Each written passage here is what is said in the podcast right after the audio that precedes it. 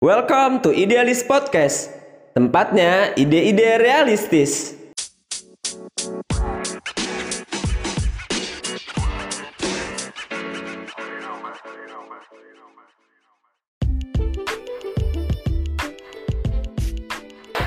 Bismillahirrahmanirrahim. Assalamualaikum warahmatullahi wabarakatuh. Waalaikumsalam warahmatullahi wabarakatuh. Ya, teman-teman kembali lagi ke bersama kita dalam Idealis Batch 2 ya Bisa, bisa. tentang Smart Logistic and Transportation yang diisi oleh saya Fuad, Mikdad dan juga Naufal. Baik teman-teman, di sini kita akan ngebahas tentang Smart Logistic and Transportation. Oke, ini kira-kira apa yang akan kita bahas untuk ke depan. Oke. Oke, nah teman-teman, kira-kira ada yang tahu nggak sih apa itu logistik dan transportasi? Atau eh, apa perpindahan eh, apa kebutuhan ataupun satu rangkaian eh, produk ataupun eh, barang ke satu sisi ke satu sisi yang lain. Itu apa? Transportasi apa logistik? Logistik. Logistik. Kalau Bang Mikdad apa ini? Kalau gue sih mikirnya Kenceng. intinya sih kayaknya perpindahan ya. Iya. Buat of uh, logistik dan transportation dua-duanya perpindahan. Tapi Oke. mungkin logistik perpindahan barang, transportation perpindahan orang. Mungkin itu gambaran gue sih. Oke, itu benar ya. Semuanya benar, nggak ada yang nggak benar. Karena kita semua sama-sama belajar. Balik lagi kayak ke zaman mahasiswa kayak gitu. Oke, skip. Siap, siap. Nah, jadi teman-teman, logistik itu intinya adalah tentang bagaimana konsep dari alur barang tersebut agar pergerakannya dari mulai hilir sampai ke hulu bisa berjalan dengan baik, efisien dan efektif. Sarana pengangkutnya adalah transportasi. Itulah kenapa logistik dan transportasi itu saling keterkaitan. Sehingga bisa sampai saat ini teman-teman merasakan manfaat dari alur konsep barang logistik itu sendiri. Lu bayangin aja nih ya, bagaimana sih awalnya baju lu yang bisa lu pakai sampai sekarang bisa sampai ke tangan lu? Yang tadinya awalnya itu merupakan sebuah bahan dari pohon ya kan, benang dari pohon kan sih, atau dari bahan baku lainnya diolah, diproduksi, didistribusi sehingga sampai ke tangan lu dalam kondisi yang seperti ini. Nah, that's it logistik gitu. Berarti logistik ini seperti apa namanya? Dia hanya di bidang transportasi, maksudnya distribusi. Logistik ini sebenarnya mencakup semua alur pergerakan barang. Termasuk ada pergudangan, ada persediaan, yang nanti akan kita bahas di depan. Nah, transportasi itu seperti wadah gitu, sarana untuk mengangkut. Karena manusia ini, coy, kita ini juga termasuk salah satunya adalah yang diangkut oleh transportasi. Kita juga bisa dikatakan sebagai logistik. Tapi logistik itu secara umum seperti konsep alur pola barang. Nah, di sini gue ingin ngasih tahu lu pada nih asal usul dari tentang logistik gitu. Nah, menurut Wikipedia, brother, logistik itu berasal dari bahasa Yunani yang artinya logos, yaitu kalkulasi, alasan, pembicaraan, orasi. Dan ada terkait dari asal usul tentang bahasa Prancis artinya logger yaitu untuk menginapkan atau menyediakan barang. Cuman aslinya logistik ini sendiri awal katanya adalah pada saat perang di zaman Yunani. Sebenarnya logistik ini ilmu tentang militer, coy. Jadi zaman dahulu itu pada saat di zaman Yunani zaman peperangan, salah seorang kaisar Yunani itu mengutus seseorang perwira militer namanya Logistikus. Nah, perwira militer yang bernama Logistikus ini, dia itu sangat lihai, sangat pandai untuk ngatur segala macam kebutuhan serta kelengkapan untuk kegiatan perang. Forecastingnya dia kira-kira rencanain kalau misalnya terjadi gencatan senjata apa yang perlu kita kumpulkan, kalau misalnya terjadi peperangan berikutnya apa yang harus kita keluarkan, dan kalau misalnya terjadi sesuatu hal ke depan bagaimana pengelolaan kebutuhan kita saat itu. Sehingga stok kebutuhan pada saat zaman di Yunani tersebut selalu dalam kata ibaratnya tercukupi gitu. Karena pengelolaan barang yang sangat baik kalau perwira militer logistikus itu sendiri. Nah itu sih yang gue pelajarin tentang logistik gitu. Nah itu tentang asal usul katanya.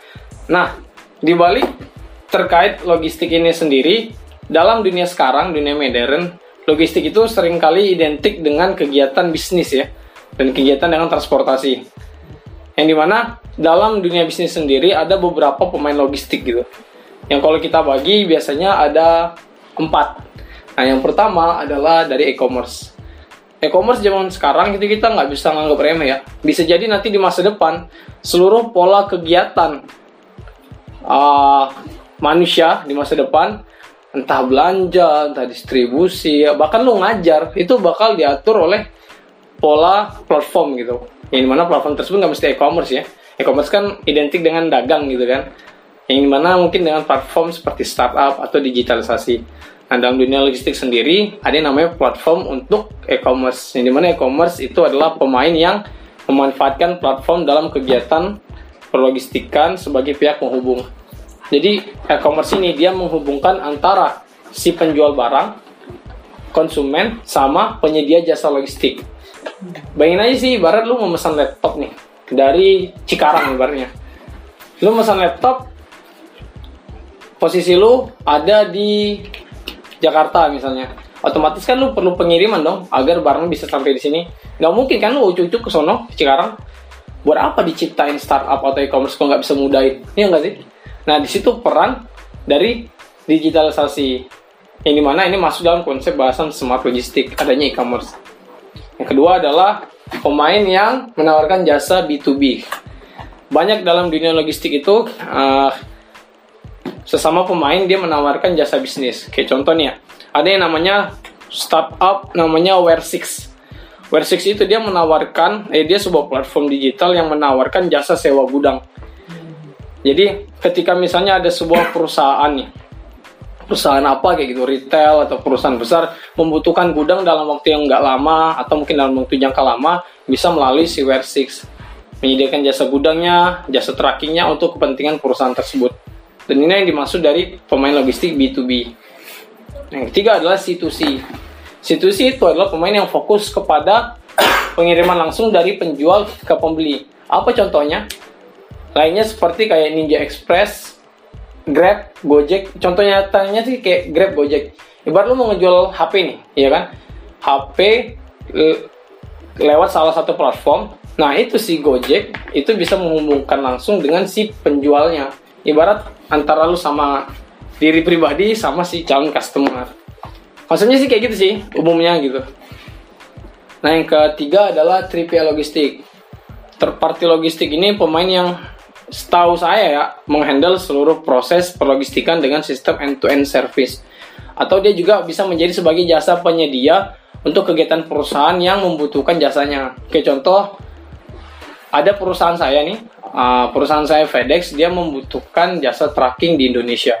Dia menggunakan jasa RPX untuk kegiatan trackingnya sehingga pengirimannya bisa tercapai. Tapi yang dijual tuh namanya nama FedEx gitu. Yang di mana third party logistik sendiri aslinya juga kayak seperti DHL, FedEx, TNT, UPS. Berani menyediakan jasa end-to-end service dengan infrastruktur yang dia miliki. Berarti logistik ini masalah transportasi ya? Iya, Ya, kan tadi logistik dibahas logistikus itu kan dia eh, merancang atau mendesain kebutuhan kita ke depannya gitu. Hmm. Berapa setelah itu. Tapi saya lihat logistik player ini secara gambar besar semuanya sepertinya hanya bagian dari distribusi, nggak nggak ada yang merancang, nggak ada yang seperti logistik itu. Apakah logistik player dengan logistik saling bertentangan dalam apa maknanya? Hmm, sure. Oh, ini good question nih, keren. Ya, jadi logistik player ini sendiri maksudnya lebih condong kepada arah bisnis mereka. Karena yang saya maksudkan tadi di awal adalah logistik player saat zaman ini lebih fokus kepada kegiatan transportasi yang implementasi bisnis. Namun di balik ini sendiri nih teman-teman, mereka juga punya kegiatan yang di mana tadi yang saya jelaskan di awal. Lu bayangin aja nih, nggak mungkin kan salah satu perusahaan logistik kayak contoh 3PL logistik nih, third party logistik dia nggak mungkin nggak punya gudang. Ibarat dia nerima seluruh pelanggan dari seluruh dunia nih, yang perusahaan internasional kayak DHL lah contoh. DHL itu kan nerima pengiriman dari seluruh dunia. Yang di mana pemasukan pengiriman mereka itu mungkin per hari bisa satu juta box, satu juta pengiriman. Who knows ya kan? Nggak mungkin kan satu juta box tersebut langsung kirim tanpa nginap. Iya. Nah, dalam penginapan tersebut ada yang namanya unsur kayak pergudangan, ada tracking, persediaan. Kayak gue sendiri nih, gue kerja di salah satu perusahaan tadi kan, di FedEx. Di situ gue ditempatin di bidang warehouse. Gue ngurusin segala macam kegiatan alur pergudangan yang ada di warehouse.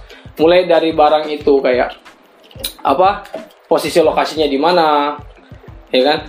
Terus menghandle barang yang kayak damage, memastikan barang tersebut agar dalam kondisi prima pada saat dikirim gitu. Jadi semua alur dalam logistik tersebut tersirat di dalam situ.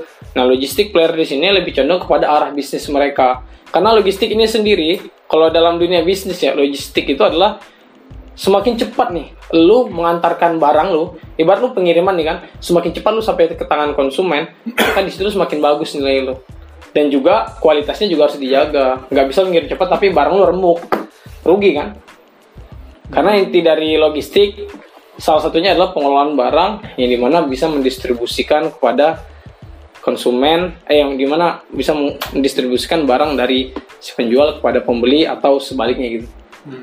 Sebagai penghubung. kalau boleh ditarik kesimpulan kayak logistik tuh sebenarnya dari zaman dulu dia lebih gimana ya gue kayak memisahkan antara logistik dan juga manufaktur misalnya Hmm. nah logistik itu kayak eh, lu ya dia adalah perantara antara supplier dan juga demander ya kayak orang yang pengen handphone sama orang yang butuh handphone eh yang punya yang pengen jual, yang jual handphone ya kan? Terus kayak oh eh gue gue udah pengen beli nih gitu. Ya ya kan gue pasti ini bukan logistik sih tapi dia pasti pesan kantong nah gimana caranya kemudian handphone itu benar-benar bisa nyampe kepada si Ya. ini ya? Dia yang ngitung semuanya kayak kasarnya kalau zaman dulu mungkin ya karena karena mungkin nggak ada peran jual beli kayak gitu, Hmm. itu kan dia kayak lebih kayak oh besok perang kita butuh ini kita butuh ini kita Hmm. butuh ini segala macam pasti ini nyampe dari sini ke sini kayak gitu ya Hmm. cuman sekarang karena kemudian mungkin Berkembang. kayak perannya banyak ya nggak cuma Hmm. logistik doang gitu. Hmm. mungkin ada kayak marketing ada segala macam ada sistem payment sendiri sehingga kemudian mungkin peran logistik kayak lebih ya akhirnya terlihat sederhana nge- nge- nge- nyampein barang gitu padahal sebenarnya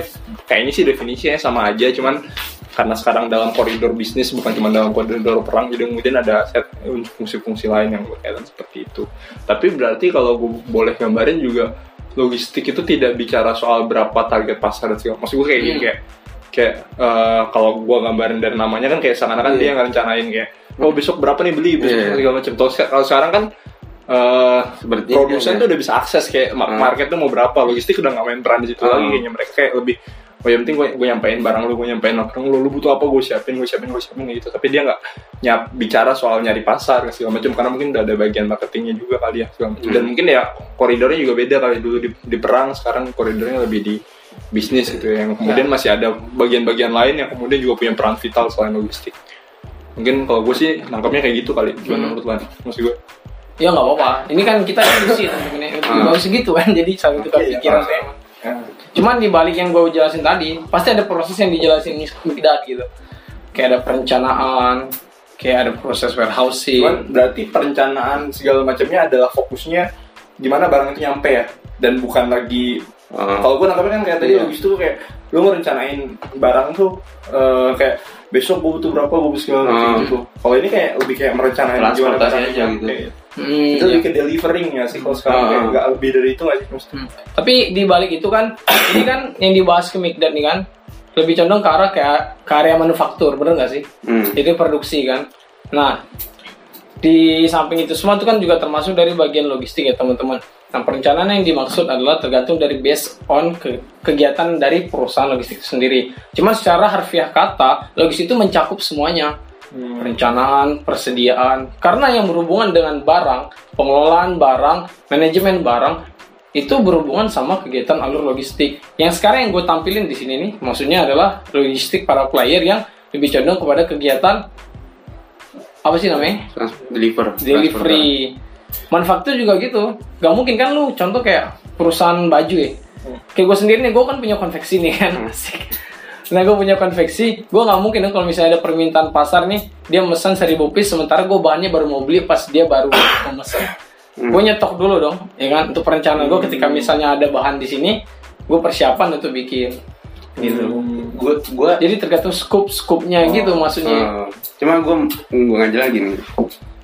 Kalau kita lebih bahas karena saya apa lebih senang bermain di pola bahasa pola pemaknaan kan logistik kan logos itu kan kan dari kata logos dari Yunani itu nah kalau kita bahas tentang logistik aja logistik aja adalah rasio, kalkulasi dan segala macam. Tapi kenapa ketika dia menjadi logistik player, gitu ya. nah, kan kalau kita pahami itu logistik itu adalah keseluruhan kan. Ya. Dia ada manufacture, produsen, konsumen dan tapi kenapa dalam kita tadi cuma- Solusinya. ya ah, kenapa yang dalam logistik player itu semuanya deliver semua gitu transportasi semua gitu Oh, Jadi, iya. itu agak mengganjal Oh siap siap. Nah mungkin uh, tentang logistik tadi ya yang lu bilang yang lu bilang lebih condong kepada arah ke delivery kan, Hmm. peran transportasinya gitu. Hmm. Nah sebenarnya ini benar ya. Ini kan awal kata logistik kan dari rasio kata, kalkulasi bla bla bla ya. Yang lu bisa lihat sendiri di sini gitu. Namun bukan berarti di balik kegiatan deliver tersebut. Jadi di balik kegiatan deliver tersebut ada kegiatan yang di mana untuk kepengurusan barang gitu. Nah, cuman gini, condong tadi yang gue ambil terkait para player yang bidangnya oh ekspedisi gitu, pengiriman, bener nggak sih? Ada juga para logistik player yang di mana para player tersebut berhubungan dengan kegiatan manufacturing. Sebenarnya ini yang akan gue bahas pada saat nanti sih ada di next slide berikutnya tentang supply chain management. oh Nah, jadi kita bertahap ya, bro. Cuman yang tadi yang gue gambar tentang logistik player tersebut itu gambaran secara umum tentang para pemain logistik di dunia saat ini. hmm. Para logistik player. Berarti di, di, di apa selain empat itu masih ada lagi gitu? Selain empat itu masih ada lagi. Eh enggak selain empat itu itu kan gambaran besarnya. Oh. Para pemain logistiknya. Cuman di balik itu semua ada lingkup yang di mana mencakup tentang supply chain management. Nah sebelum kita berangkat di situ kita bertahap. Asik. yo iya. Sambil berproses nah yang kedua sekarang kita masuk ke bagian kedua adalah pembahasan tentang IoT. Tadi kan di awal tema gua adalah tentang smart logistic and transportation kan. Gak mungkin logistik zaman sekarang bisa bergerak secara cepat tanpa ada bantuan dari digitalisasi gitu. Jadi sebuah kedikdayaan yang mungkin kita bisa capai zaman sekarang adalah ketika ada suatu proses atau suatu fasilitas atau ada suatu hal yang di mana hal tersebut bisa memudahkan kegiatan kita. Salah satunya melalui dari peran IoT ini sendiri, Internet of Things. Apa sih Internet of Things? Yaitu Internet of Things itu yang adalah kegiatan, eh Internet of Things itu adalah yang bisa dibilang benda-benda di sekitar kita yang dapat berkomunikasi antara satu sama lain melalui sebuah jaringan seperti internet. Yang di mana dengan peran IoT ini sendiri, kegiatan lu itu bisa lebih dipermudah gitu. Kayak misalnya contoh, eh kayak apa ya, contoh kecilnya ya. Kita balik nih kayak kayak Grab deh gitu. Gimana caranya Grab atau Gojek memantau drivernya bisa mengantarkan si penumpang dengan selamat dari awal sampai tujuan supaya bisa tahu pergerakannya gitu. Itu kan ada kayak GPS tracking, ada peran dari artificial intelligence kan di situ. Yang di mana di situ ada peran IoT-nya gitu. Atau dari berbagai hal yang di mana hal tersebut bisa termudahkan dengan adanya sistem ini gitu loh. Nah, tujuan dari IoT sendiri ya tadi bisa kayak membantu kita dalam memudahkan pekerjaan kita, memantau peralatan-peralatan yang digunakan dalam kantor kita, serta mengakomodir kegiatan yang di mana kita sendiri tersebut bisa melakukannya tapi dalam jangka waktu lama, tapi dengan bantuan ini ternyata bisa mengefisiensi lebih baik gitu loh. Nah, kita coba lihat contoh nih korelasi antara peran IoT sama kegiatan dalam dunia logistik. Nah, di sini gue ada sedikit video tentang konsep smart logistik gambaran besarnya dalam dunia pergudangan khususnya di bidang logistik. Oke. Yang gue bilang tadi nih, alur kegiatan perusahaan logistik nggak hanya sekedar pengiriman. Di balik itu semua, mereka pasti ada kegiatan kayak kepengurusan gudang, kayak dalam kegiatan pergudangan. Intinya gimana caranya lu make sure barang lu tersebut bisa dalam kondisi prima gitu. Atau mungkin dalam dunia manufacturing dan dalam dunia logistik lainnya, gimana barang tersebut bisa sesuai dengan apa yang dia konsepkan. Dan sampai pada tangan konsumen atau tangan orang yang membutuhkan dalam kualitas yang baik. Karena kan biasanya kan ketika lu ngirim barang nih kan kadang ada tuh klaim ya dari si konsumen gitu kan. Dia yang klaim kok barang gua gini sih? Hmm. gue kirim baik kok. Sampainya malah penyok kotaknya gitu kan. Atau dalam kondisi rusak ini kenapa nih? Gitu kan. Nah itu diklaim gitu kepada si perusahaan jasa logistik tadi. Nah di sini ada peran IoT-nya. Biasanya dalam setiap paket itu ada kayak kode barang gitu. Kalau dalam dunia, kalau dalam kantor gue tuh jatuhnya kayak seperti AWB gitu, RW bill. Hmm. Nama RW bill misalnya ini contoh paket ini ditandain dari sana kodenya segini. Ketika masuk gudang, nah itu kita harus lihat dari masing-masing Kalau kode. nanti videonya itu ngikutin itu semua nih. Apanya? Jadi kalau kita ngetik RWB-nya, videonya tuh akan Iya. Jadi ini kan sebenarnya salah satu apa ya peran IoT dari sisi kamera ya, kamera CCTV. Sebenarnya banyak lagi sih. Kayak contoh tracking ke apa? Tracking GPS yang ditempel ke truk gitu kan untuk memantau kegiatan alur sama kayak tadi Gojek dan Grab gitu. Atau satu sisi setahu gue nih ada beberapa perusahaan dia tuh pas kotaknya nyampe ini apa ya pas barang itu udah mulai masuk gudang itu kayak ditempelin sejenis chip atau sensor gitu jadi tanpa perlu video. di video kita ngeliat video secara langsung itu kan kadang biasanya mungkin nge-lag gitu kan atau susah kan. Jadi bis- dia jadi bisa mantau status barang. Ibarat nih kan dalam kotak nih HP gue nih. Dalam kotak sebelum masuk ke gudang di sana sudah dilengkapin kayak ada teknologi chip gitu. Tempel di kotaknya atau di mananya yang mungkin aman packaging dengan baik. Pas ketika masuk gudang dia udah ada sistem sensor. Ketika barangnya kenapa-napa nih itu bisa ngasih tahu ke sistem barang ini ternyata tertindih, damage, sobek. Jadi itu bagian dari apa IoT itu sendiri gitu. Pemantauan barang, kegiatan uh, logistik, pendistribusian segala macam. Bahkan di dalam dunia manufacture itu, itu juga ada gitu loh. Misalnya pegawai yang banting-banting gitu, Nah. dia rusak. Cuman itu nggak tahu ya internal perusahaan dia. Cuma biasanya kalau perusahaan ketika hal itu terjadi, perusahaan dulu mengcover si karyawan tersebut tergantung lagi dari bagaimana perusahaan memperlakukan dia. Apakah dimaafkan atau dikasih tanggung jawab lain dan bla bla bla bla. Biasanya perusahaan tuh nggak langsung kayak pecat gitu, enggak lah. Semua kan juga pasti ada manusia itu kan nggak mungkin bener terus dong. Iya nggak sih? Hmm. kan kadang sometimes kita ngelakuin kesalahan bahkan even itu termasuk pekerjaan yang mudah gitu karena mungkin karena nganggap remeh atau karena sudah nganggap terbiasa sehingga bersantai-santai dalam kerjaan tersebut. Cuman satu sisi kita juga nggak bisa nyalahin diri kita gitu Tapi dalam internalnya biasa ada disiplin ini enggak? oh itu pasti. Disiplin fair. Sem- ibarat ketika lu dalam kegiatan company ya dalam perusahaan besar gitu pasti ada yang namanya training boy. Hmm. training untuk memaintenance anak apa untuk memberitahu nih apa yang harus dikerjakan. Atau ada training bulanan untuk maintenance lagi nih kegiatannya supaya lebih refresh gitu. Jadi lu lebih awas lebih mawas diri terkait kegiatan yang lu lakuin. Gitu. Biasanya nih kalau dalam kegiatan pergudangan ya di gua nih gua pernah kerja di salah satu pergudangan bukan di perusahaan sekarang nih itu kita biasanya pakai sistem barcode. Nah, jadi ada scanner nih teman-teman, scanner.